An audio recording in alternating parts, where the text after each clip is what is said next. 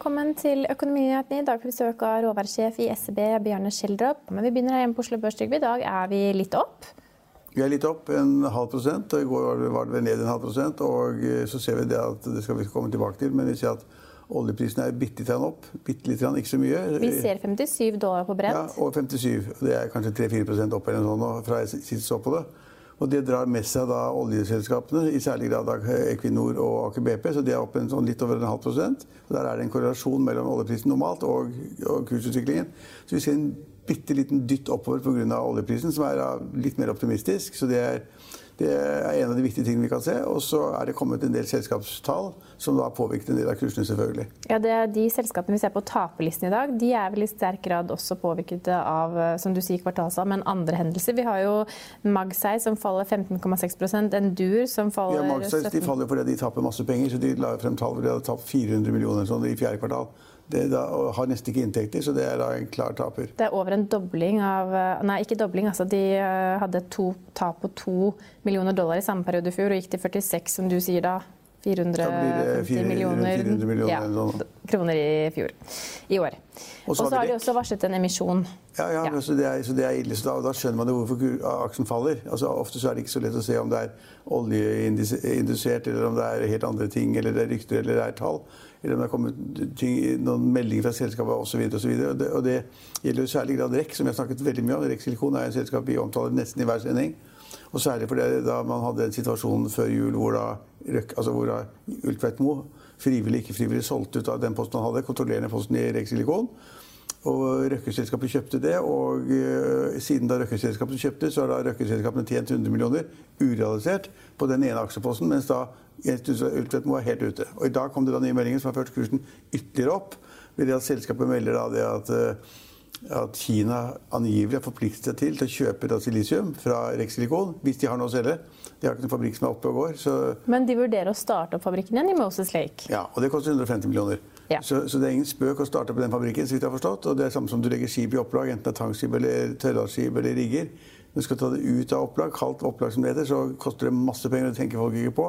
Og dette var jeg overrasket over at da selskapet da sa det, at hvis vi skal starte opp denne fabrikken, som kan produsere silisium, som kan selge til Kina, med en toll fortsatt, men da at man er åpne for å kjøpe, Eh, det koster en formue. Men så jo, står jo denne, to, øh, denne, fabrikken bare og taper penger for selskapet hvert eneste år. Det er jo et kostnadssluk for REC. Ja, det, det, kan jeg ikke tenke meg. er jo det sa en analytiker som ja, ja, her. Det koster veldig mye penger i året nei, å ha den fabrikken altså, stående stengt, uten å være i produksjon. Nei, altså, jo da, det har Det må være variable kostnader. Altså, den faste kostnaden investeringene står der tomme, det er helt riktig. Men altså, selve det å holde den stengt, det er vel sannsynligvis en vaktmester og en hengelås eller noe sånt nå.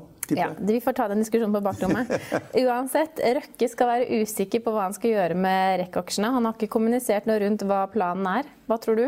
Nei, Det aner jeg ikke. Jeg syns det var rart at han kjøpte dem. og det, Vi vet ikke hva slags underliggende avtale som er. Det kan godt tenkes at han har avtale med Ultvedt Moe, det vet vi jo ikke noe om. Eh, men det ser ikke ut som de har konkrete ting å gjøre med den fabrikken heller. Altså, og det er fremdeles slik at ting kan endre seg. Det er jo det Forholdet mellom Kina og USA er vanskelig. Og Hvis da plutselig det blir litt verre igjen, så kan plutselig da Kina si at vi vil ikke ha noe silisium fra amerikansk rekstilikon i det hele tatt. Så det, det vil ikke satse mye penger på det. Men Røkke har nok penger, så han kan spekke og, og, leke litt med de pengene. Han ja, og... betalte jo ikke mer enn så vidt jeg husker rett, det er så masse tall, men jeg husker han betalte 85 millioner kroner for den posten på 23% og så da er den nå verdt nesten 200. Ja, og nå står aksjen opp 6,4 og står vel i 4,19 kroner, hvis vi skal være helt Men, men selskapet kommer også med skrekkelige tall. Det, Der var det mye minus. Du som er glad i disse millionene i minus? Jeg er ikke glad i millioner i minus, men jeg bare ser på tallene uansett. og Det var et stort underskudd. og da, klart at da kan det jo passe selskapet litt å bedre det litt med å si at de har store planer og kan få til noe annet. Fordi at tallene i regnskapet er så dårlige. Men det er jo ikke verst at selskapet stiger 6,5% når de endte på minus 45,5 millioner mot minus 13,4 millioner i fjor. Jo, det kan være verdt at noen minus. tar en posisjon, for de tror at det skal skje noe, at Røkke skal gjøre noe, at han har en smart plan, at han vil tjene penger på det. Kanskje. En annen eh, sektor som vi snakket mye om, er laksesektoren. I dag eh, faller Grieg Seafood 4,25 eh, akkurat nå. Ble nedgradert av Arctic Securities etter kvartalstallet i går, hvor anbefalingen ble tatt tatt fra kjøp til hold. Ja. Er eh, lakseoppturen over for denne gang? Det vet jeg ikke, men eh, altså, Grieg Seafood de kommer med bedre tall. Og så ble det da, på en måte fikk de en anbefaling, og så er det da Hvorfor det endrer i dag, det vet jeg ikke. Det, noe, det vet jeg ikke. Nei.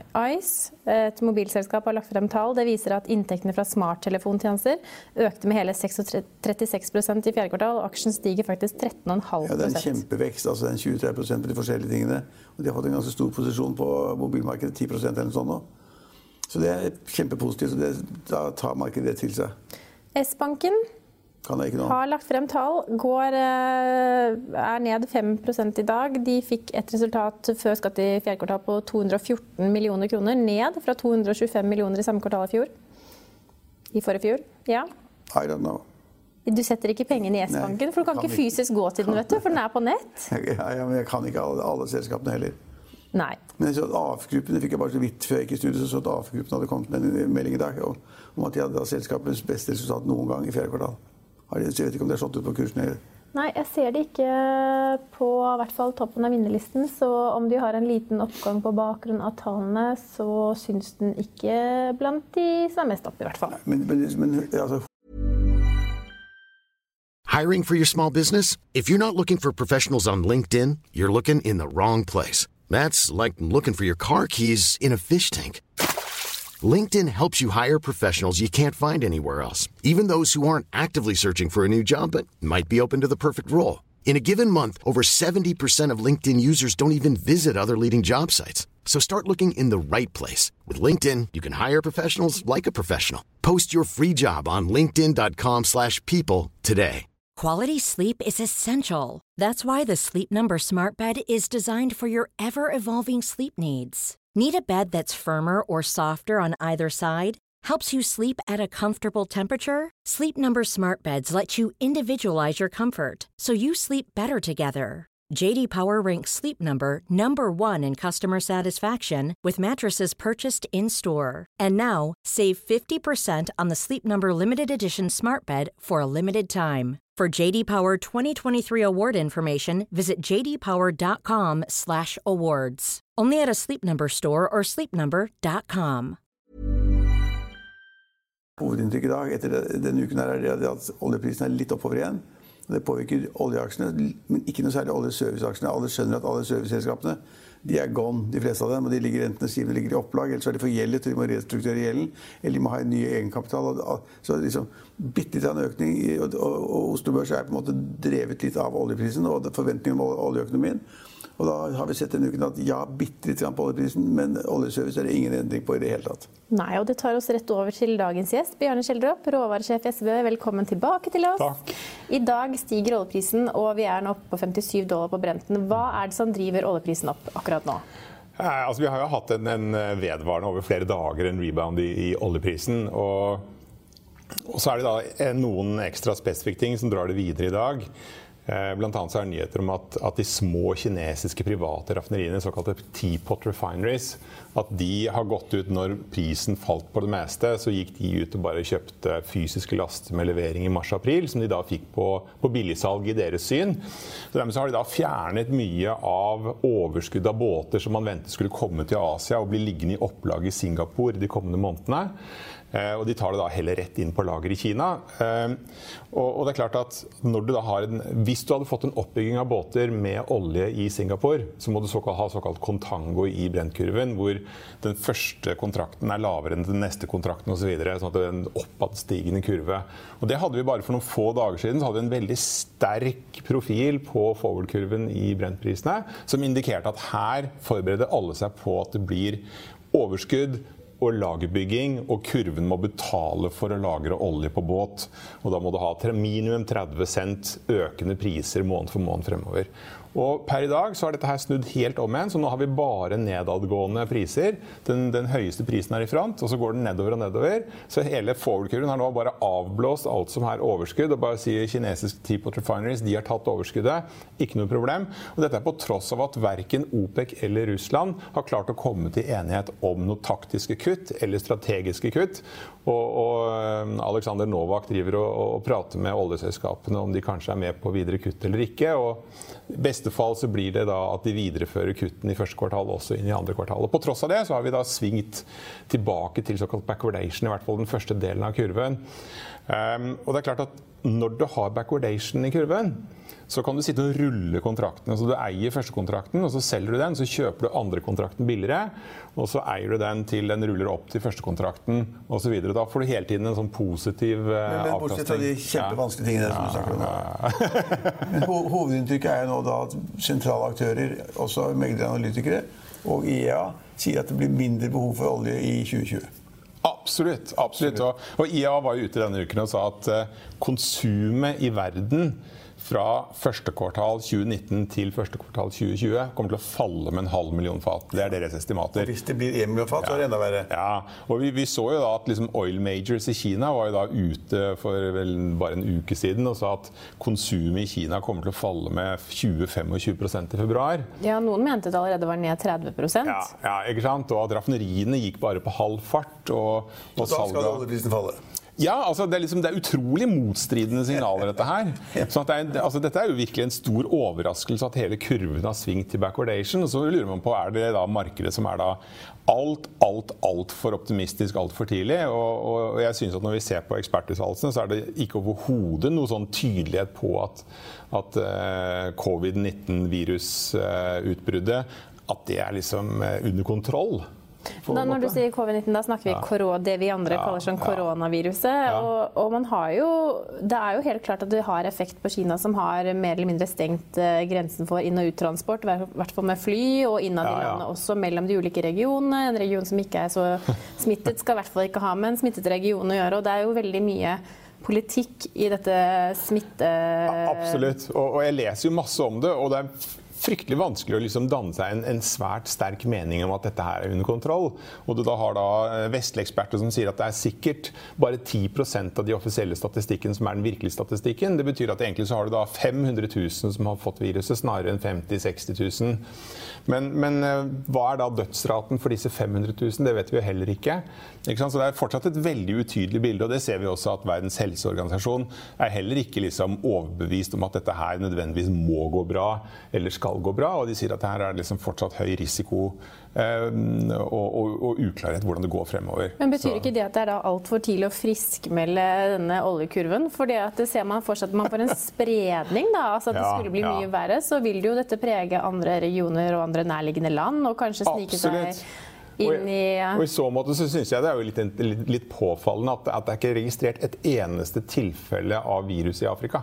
Ikke et eneste land i Afrika har påvist dette viruset. Selv om vi vet at det er en haug med kinesere som flyr frem og tilbake til Asia og jobber med råvarer og råvareutvinning i, Kina, nei, i, i Afrika. Så, så, vi vet, Det må jo være tilfeller i Afrika. Men, men altså, jeg tror det var to steder de kunne teste om man hadde virus i Afrika.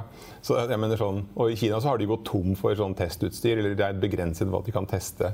Og, og, i dette, denne, dette smittehysteriet så får man jo da høre eksperter som sier at dette kommer hele verden på et eller annet tidspunkt til å få, mens andre sier at det snart vil være under kontroll. Og så peker de på at det finnes en rekke andre virus der ute som man ja, ja. også skal være redd for. Ja, og Det har jo vært masse diskusjon frem og tilbake. Er dette egentlig bare et, et vanlig influensavirus?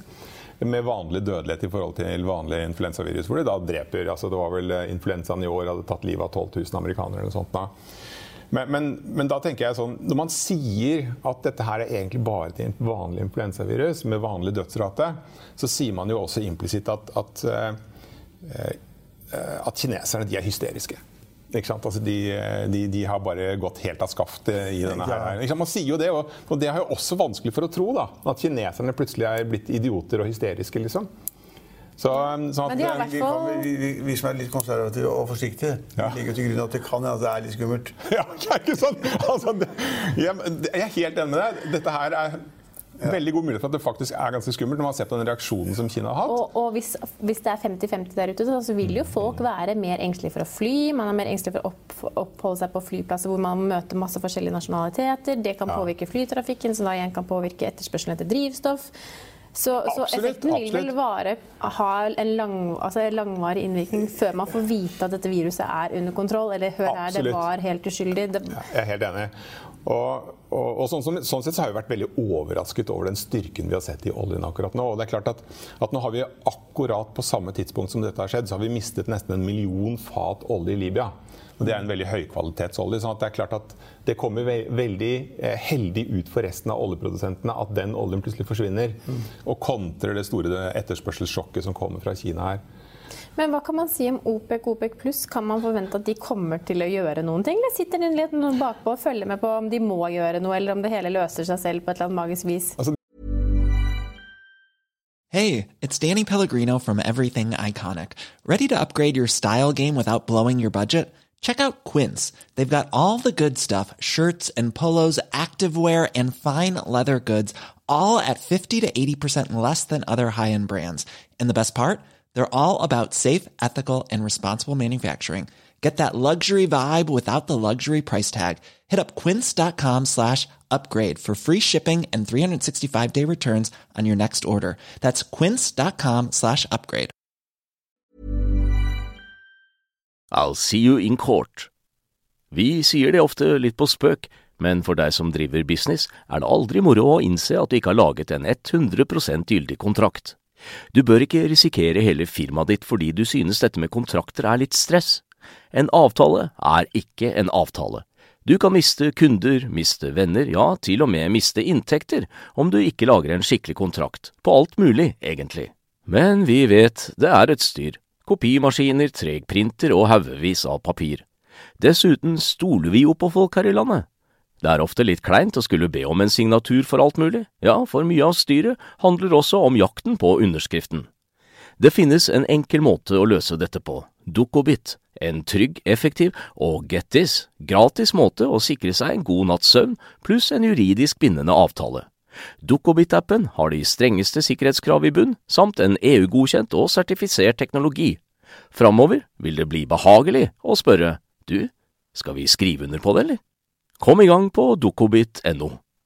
Det er veldig interessant, for OPEC pleier jo historisk sett å være veldig lett på foten og nettopp agere i sånne situasjoner som dette her. Taktisk kutte, særlig når det er ting som de ser at kanskje er av midlertidig art.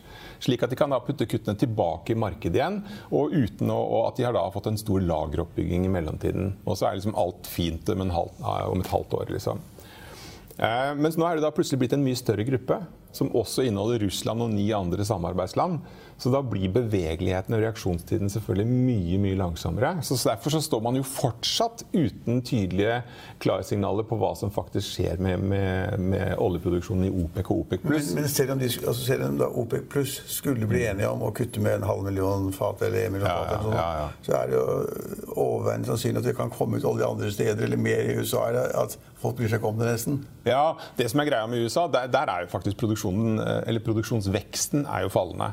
Så Hvis du ser på den marginale årlige vekstraten nå, bare måned for måned ganger 12, så ser du at produksjonsveksten er jo 0,25 millioner fat per dag per år. Men hvis de må produsere mer, så klarer, de jo, men da må prisen opp, da. Ja, det, sier ja, men hvor... ja, ja, så Det er ikke noe problem å Poenget er hvis, hvis, man, da, hvis man får et kutt i produksjonen i OP+, så vil da tilbudssiden gå litt ned, ikke sant? og så mm. prisen litt opp, og så produserer de masse med en gang. Ja, Men altså, i referanse, da, vi hadde jo et voldsomt fall i drilling rig count i fjor. Um, og det skjedde på en gjennomsnittlig VTI-pris på 57 dollar. Og nå har vi VTI på 51. Ikke sant? Så vi kan i hvert fall si at at det antageligvis blir ikke noe akselerasjon i drillingaktiviteten i USA før det kommer en VTI-pris over 57. For der har vi sett at der har aktørene kuttet hardt i eh, aktiviteten. Og så ser vi da effekten av de kuttene som skjedde i fjor, og den reduserte aktiviteten. Det slår ut nå. Nå vokser produksjonen i USA med 20 000 fat per dag i måneden. Ikke sant? Mot par hundre tusen fat per dag i måneden i høsten 2018. Ikke sant? Da bare sprutet det mer og mer olje ut av USA. Dette er jo på en måte veldig positivt for OPEC, at det liksom ikke hver måned står overfor nye 100 200 000 fat fra USA. Så det hjelper jo veldig. Men det er morsomt interessant spørsmål eller poeng du har der. For nå er det snakk om den der handelskrigen mellom USA og, og, Kina, hvor de da har fått en midlertidig avtale hvor Kina da skal kjøpe masse mer olje fra USA. Men hvorpå da energieksperter i USA sier at men dette er ikke mulig. Dette er, dette er ikke mulig, vi har jo ikke den oljen. Da må vi produsere mer. Og det eneste måten USA kan produsere mer på, det er jo hvis oljeprisen går opp. Mm. Så da må vi sørge for at oljeprisen går opp. da. Så da må vi miste olje andre steder, om det blir da Libya eller Nigeria eller Irak. Det, det gjenstår også å se. Men det er liksom den eneste måten USA og Kina kan oppfylle sin avtale på, er at oljeprisen stiger. Men kan man si det sånn at, eh, at det er litt vanskelig å spå oljeprisen for 2020, gitt de tingene vi har vært igjennom nå? Det er alltid vanskelig å spå. Nei, det altså- vanskelig, så er det har masse. Ha, har vi en råvaresjef i studio? Da er jeg Ja, ja, sikker ja, på at han har altså, et Det er så vanskelig å spå oljeprisen hadde han vært superekspert og visst hva som skjedde, så kunne han, han hadde ikke sittet her. Han er jo Men- men- Han hadde han tjent masse penger på det året. Ja, ja. Nei, men altså, men, men altså en ting, men et litt sånn spørsmål er liksom som, Hvem er det som har hatt mest rett over de siste to årene? De som har vært super-bearish, eller de som har vært positive? Og, og da kan vi si at Brentprisen har levert på 68 dollar i snitt over de siste to årene. Ja, ja, men ikke de siste månedene, da. da har vi... Nei, Vi har jo vært gjennom en liksom sånn, nesten-krig og koronavirus. ja, da, ja, ja, De gjestene våre har stort sett alle sammen i snitt sagt at oljeprisen i 2020 ville ligge på 65-66 dollar per fat. Ja, ja, ja. Det har de sagt. Men de er på 57 nå. Ja, det var absolutt. 54 Ja, ja, ja, ja. Og 54 Nei, men mitt, men mitt poeng, før vi går til liksom, øyeblikkets situasjon, er mer at folk har vært overvettes altfor bearish med hensyn til oljeprisen, og den har levert veldig godt. Ja, Ikke? Det- ikke veldig godt, for det er veldig godt, da måtte prisen vært i 60-70 dollar per fat. Nå har jo i snitt vært 68 dollar. Ja, ja, men ja, Det er jo bra. Det er bra. Ja. Altså Hvis det hadde hatt 68 Trygve, vi kommer oss ikke tilbake til den gullalderen som vi alle Nei, men jeg er husker. jeg er grunnen skeptisk. Jeg tror det er så mulig å produsere, så mye mer. Så jeg liksom Ja. Vi hører jo om nedsiderisiko, liksom- vi hører om nedsiderisiko ned til 40 dollar og vel så det Absolutt. Men liksom faktum er liksom at vi har hatt 68 dollar over de siste to årene. Det er et faktum. Ja, da- og det er en bra pris. ja, Ja. men- Men, men la oss komme tilbake til ja, la oss, ja, Det er ikke sant? Men altså, så det vi kan si om oljemarkedet, er jo at liksom, det blir i hvert fall aldri kjedelig. og, og, og da kan du si at liksom sånn normalt sett så svinger førstemånedskontrakten 35 dollar mellom høy og lav. Og så langt i år så har vi da vært et spenn på 53 til 72. Sånn at vi, vi har jo da eh, rundt 20 dollar. Da, sånn at egentlig så har vi ikke hatt stort nok spenn for å dekke det vi burde forvente i året som kommer. Så vi skal antageligvis enda lavere ned og enda høyere opp før året er over. Men- men- sier historisk Men for å ta et eksempel på da, vi går tilbake til børsen og aksjeselskaper. Vistin Pharma var et farmasiselskap Unnskyld. Som da i fjor plutselig ble da oljetradingselskap. Og da er en oljeekspert som ikke er der lenger nå, da, men nå er han eh, Han er plukket opp av en annen oljeekspert. Ja, ja, ja, nå er han, eh, nå er han Hos Røkke. eh, De, de, de ble vel det allerede i 2018, faktisk. Eh, tjue- ja, akkurat. Ok, men i alle fall De spekket da i oljeprisen på en eller annen måte som ikke har skjønt engang. Altså, det var ikke oljeprisens absolutte tall. Men det var liksom Relativer. relativer akkurat mellom noen olje, forskjellige oljekvaliteter eller typer. Og, det, og da bomma de helt. Og så avviklet de da oljetradingen. eh, Og er tilbake til farmasi eller noe sånt nå. Ja. Hvis man bare hvor vanskelig det er, da. Absolutt. Men også, absolutt og så har jo da man gått og ventet på at IMO 2020 skal bare gi en sånn boom i etterspørselen, ja, og så har jo ikke det kommet. Nei, ikke sant? og det, er jo, altså, det var mye skrik og lite ull, for å si det sånn. Um, og, og, og det var en, en stor eh, overraskelse også for oss, at det, liksom, det har ikke slått ut nevnverdig. For et par år siden så nevnte analytikere oljepriser opp i 100 dollar altså på IMO 2020. Absolutt, men det, det nevner de jo alltid, av og til. Er det sant? Men her spekket de noe helt annet. Eller de spekket Ja, ja, ja. en, en differanse på to forskjellige Ja. oljetyper. Med, med høy svovel og lav svovel. Lav svovel, de Ja, to, det det- hovedsaken. Men Grunn nye reguleringer. olje er jo en fikk type- Spetalen med, som er en perfekte trader og kunnskapsrik og tøff som var det. Og så lå de feil, og så gikk Spetalen ut, og så gikk også traderen ut.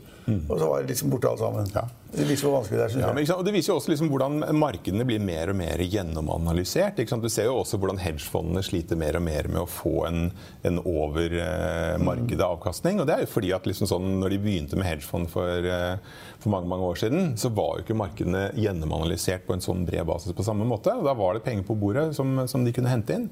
Men det er klart at det er langt, langt vanskeligere nå. Men, men oljemarkedet har jo svingt vanvittig fra på en måte eh, redsel for, for mangel på olje med, med drapet, amerikanske drapet på den iranske generalen i, i Bagdad. Tidlig på året oljeprisen opp i 72 dollar, og så rett ned i 53 nå på, på dette viruset. Sånn det, det svinger voldsomt. Men har du estimatet ditt for 2020 er forbrent 60. 60? Ja. Ja. Det betyr at vi er ikke så langt unna litt høyere pris i noen måneder og litt lavere pris i noen måneder, så er det på 60 da. Men, men de som sier 66-68 da? Det sa de, sier ikke lenger. Det er sikkert Nei, justert ja, ja, 1963 eller jo, 62 år. Nei, men ikke sant, Virkeligheten endrer seg hele tiden, verden endrer seg hele tiden. og det er klart at Nå har vi en mye svakere oljeetterspørselssituasjon enn enn det som, eh, som man startet eh, året med. og Nå ligger vel IA har vi et estimat på at konsumveksten år for år bare øker med 0,9 millioner fat, mot 1 million fat i fjor. Og normal type 1,3% eller 1,3 millioner fat. Historisk snitt. Og også smitter da, altså den Oljeprisen er jo så interessant, for ikke bare på selskapene innen olje og oljeservice, men smitter den på tankmar tankmarkedet. At Hvis det er mindre behov for olje, og du kjøper mindre olje, og oljeprisen faller fordi at liksom det er ingen som kjøper olje, så blir det færre, mindre behov for tankskip, og så faller ratene fra 100 000 dollar til 13 000 dollar i løpet av tre uker. eller noe sånt. Så Ja, ja, de har- kollapset. Da kan tankmarkedet Ja. kollapset også. Så dette er jo superspennende og det er viktig for så mye av norsk altså business. Men altså, det, er veldig, det er veldig mange prognoser som kan være ganske positive for tankmarkedet hvis du ser over de nærmeste årene. Hvis du skal ha enda mer olje ut av USA for å oppfylle avtalen mellom USA og Kina, så er det lang transport fra USA til Kina. Ja, ja. Men, altså, men, men markedet ramla sammen. For det er, Ja, ja, men det ramler jo sammen eh, annenhver uke, det der tankemarkedet. Ja, Altså, volatiliteten er jo sinnssykt høy i, i tankratemarkedene. Så vi kan forvente oss også mer volatilitet- volatilitet i oljemarkedet den kommende tiden. Ja, jeg tror det, det som har vært litt spesielt, er at det har skiftet så fort mellom den ene ytterligheten til den andre. Og kan Men- du si at Den ytterligheten vi begynte året med, var jo også litt uventet. Absolutt. absolutt. Så, så dette kommer jo liksom alltid som lyn fra klar himmel. Men i et perspektiv så har vi enn så lenge bare hatt et spenn på 20 dollar, mens normalen er 35 dollar. Ja. Så at det, det, jeg tror det mest dramatiske er at det har kommet så tett på hverandre fra en bull til en B-situasjon.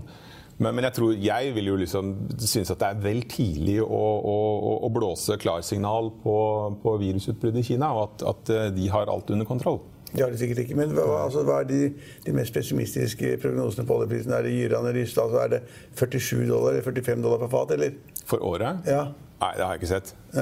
Hva er det mest pessimistiske du har sett? Du, Ja, jeg har sett i hvert at eh, det har vært amerikanske meglere som har vært ute og nevnt at vi kan komme ned i 41 til 47 dollar på brent ved, ved at, at ringvirkningene i Ja, ja, ja. av eh, Men så er spørsmålet er, men det er ikke det samme som at de har en snitt for året Nei. på et par og 40 eller 45. Ikke sant? Så og det er helt at vi klart kan at se 45 eller 41 eller 47 i løpet av de kommende månedene, ut, avhengig av hvordan ting utvikler seg, det er ikke Ja. utenkelig. Nei, ikke sant? Da, Hvis du er nede på 45, da, og så har du hatt 70 tidligere i år, da har du disse 35, da.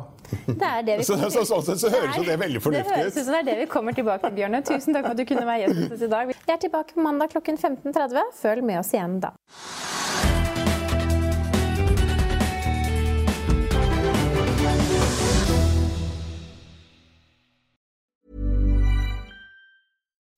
When you make decisions for your company, you look for the no brainers. If you have a lot of mailing to do, stamps.com is the ultimate no brainer. Use the stamps.com mobile app to mail everything you need to keep your business running with up to 89% off USPS and UPS. Make the same no brainer decision as over 1 million other businesses with stamps.com. Use code PROGRAM for a special offer. That's stamps.com code PROGRAM.